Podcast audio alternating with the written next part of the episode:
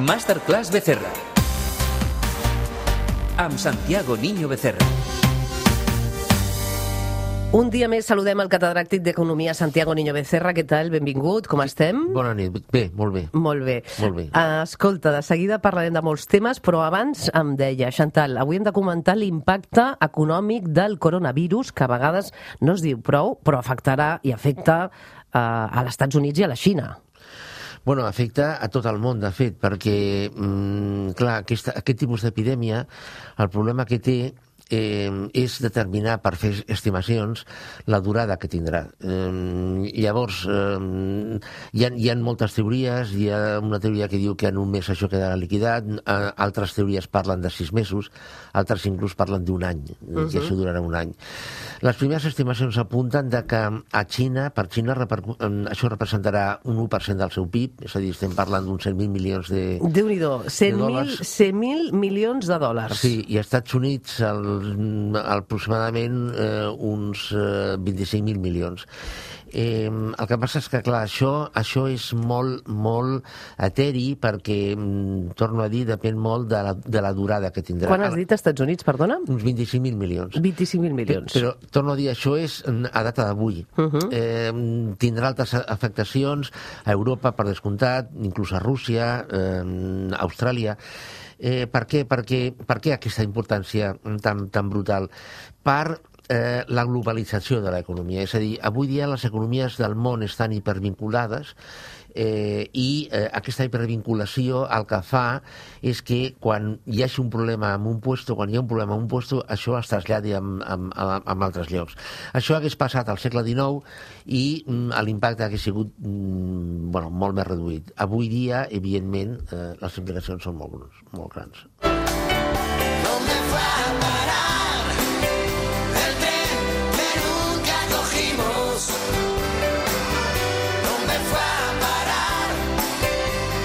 I escoltem aquesta música del tren també avui a la secció de Becerra, perquè avui eh, t'has fixat també en una notícia d'aquelles eh, que primer impacta i després fa pensar.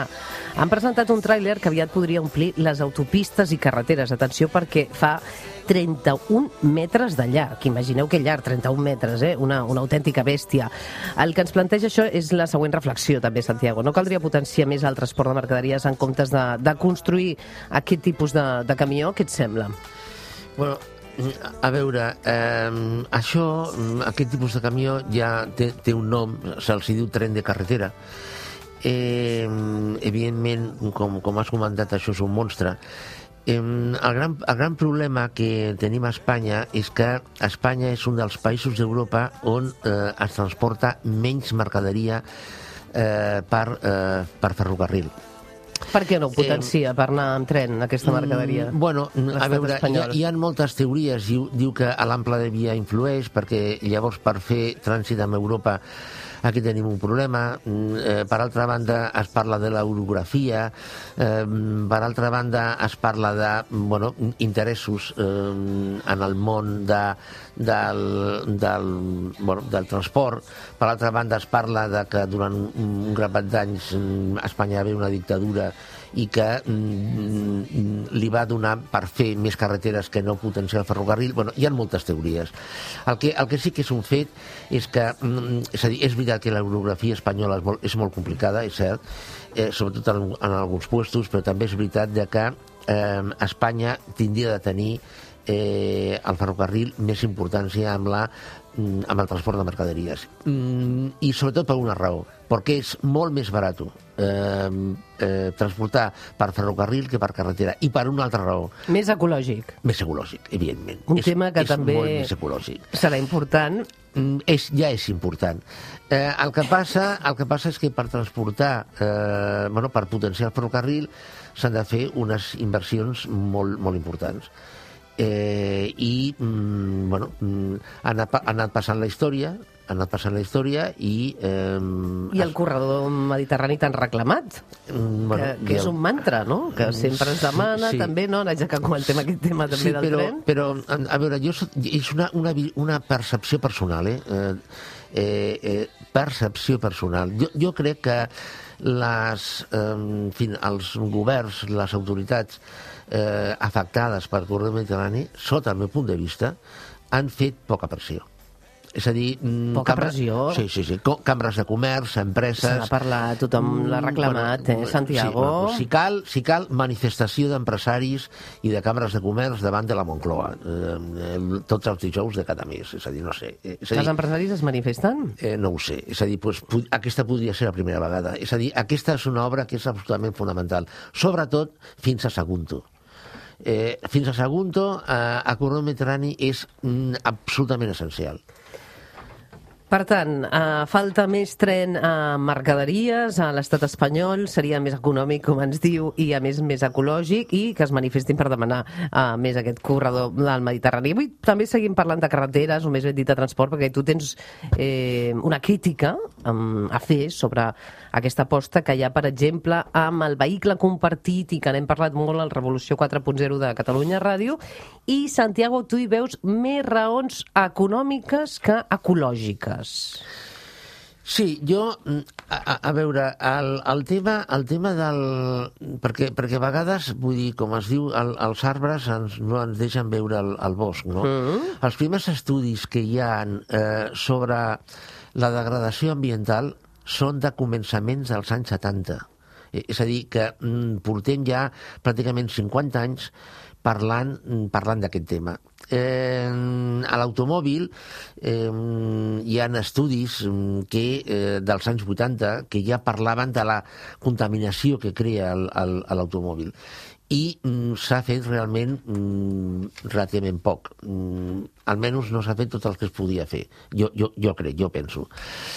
Clar, lla- llavors què és el que passa? Ara mm, una, una sortida que s'està donant mm. per a aquesta situació és potenciar el vehicle compartit. No, no dic públic, eh? Com, compartit. És a dir, el model una persona un cotxe està mort, Bueno, et sembla bé? I per què no veus bé? Sí, Tu no, espera, bé? espera, espera. No, sí, sí que ho veig bé, eh, però, però mm, això s'està posant damunt de la taula ara, quan està baixant la renta, quan la renta està estancada, quan el PIB mm, per càpita està estancat, eh, quan la pobresa està eh, augmentant.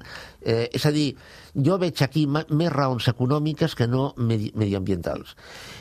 A veure, que no em sembla Perquè malament. creus que els joves, per exemple, sense feina, no tenen diners per comprar-se un cotxe i per això ara es parla del cotxe compartit? o, o, o no tenen diners o no volen, és a dir, però, però és a dir, veig més raons econòmiques ara que no eh, ra, ra, raons mediambientals o inclús de productivitat. És el mateix que el PIB per càpita. Ara s'està criticant el per, el PIB per càpita i diu que no representa la realitat econòmica dels països. Mm, Bueno, mm, bueno pues, suposant que sigui veritat. Per què no es criticava el PIB per càpita fa eh, quin- 15 anys? Bueno, perquè el PIB per càpita creixia cada any pues, el que tenia de créixer. Ara que quan comença a haver problemes ens, ens diuen que s'han de mirar uns altres índexs per mesurar el benestar. Uh -huh. Més temes, Santiago. Hem llegit que una planta solar instal·lada a prop de Las Vegas, una planta que havia de ser l'última meravella del món, ha estat un gran fracàs. Havia de ser un model energètic i ha quedat obsoleta abans de començar. Uh, com qui diu, molts diners públics invertits, tecnologia que queda obsoleta de seguida. Eh, notícies com aquesta fan pensar, també, no? Bueno, a veure, aquest és el, aquest és el jo crec que és un, ex, un exemple, un cas, no un exemple, un cas de manual de que eh, les tecnologies envelleixen. Molt ràpid? Va molt, molt ràpid? Molt ràpid. I, I les tecnologies de punta encara més. I les tecnologies on eh, hi ha una eh, competitivitat i hi ha una possibilitat de tenir un benefici ràpid, encara més. Eh, què, què vol dir tot això? Mm, és a dir, el que vol dir, dir tot això és que, evidentment, per posar en marxa una història d'aquestes, com a- el cas aquest, aquesta, d'aquesta planta, s'ha de tenir un, un capital brutal, una uh -huh. quantitat de capital brutal, però per altra banda, és a dir, s'ha d'anar mm, no, no, no a lo último, a lo siguiente, eh, per mm, tenir aquest, aquest diferencial i poder jugar amb ell. Los diseñamos para confiarles nuestro hogar. Nuestro modo de vida. Nuestro mundo. Pero ¿acaso hemos de confiar en ellos? I, Santiago, acabem parlant de robots. Què està passant a Israel, als supermercats amb els robots? Explica'm això. Bueno, a veure, eh, la, la robòtica eh, va néixer a nivell, diguem-ne, perquè la gent s'enterés d'ella als anys 80 eh, i va ser, de fet, a l'automòbil eh, quan, on més es va posar de manifest. Què, què, ha, què ha passat? Bueno, la robòtica ha evolucionat en dos sentits. S'ha sofisticat cada vegada més, però per altra banda, és a dir, que fa cada vegada més coses, però per altra banda s'ha apropat a la gent perquè aquestes coses que fa cada vegada són més del dia a dia. És a dir, cap de nosaltres ah, interactuarà amb un robot que pinta cotxes, eh, però sí que podem actuar, interactuar amb un robot mm, preparat, dissenyat per mm, eh, servir-te en un bar una Coca-Cola o servir-te en un bar un, un dinar. No? Lla- Llavors, el, el missatge de, de tot això quin és? El, el missatge de tot això és que cada vegada la robòtica estarà més dins de la nostra vida. I què està passant amb aquests supermercats?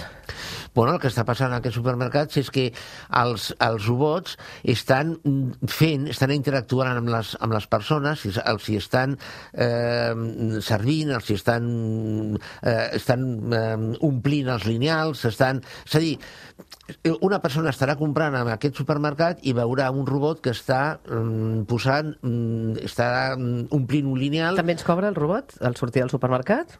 Els, bueno, és que, perdona, és que tal i com estan anant les coses, possiblement no, no pagarem físicament quan sortim d'un puesto. Amb el mòbil ja sortirem i detectarà el que hem agafat. Amazon Go, als Estats Units ho fan. mòbil ja està superat, també. Clar. Ara ja és pagar per la mano. És a dir, Amazon està desenvolupant la tecnologia per poder pagar amb la mà. És a dir, la mà la posaràs davant d'una pantalla i amb, amb això pagaràs. Doncs aniré al súper a comprar amb tu i poses tu la mà. Bueno, mm, eh, bueno i després et faig el càrrec. Ah, em pagues la compra de la setmana, Santiago. Sí, sí, després faig el càrrec, sí. Molt bé. Gràcies, com sempre, un plaer comptar amb Santiago Niño Becerra. Una abraçada ben Molt bé, forta. bona nit, gràcies.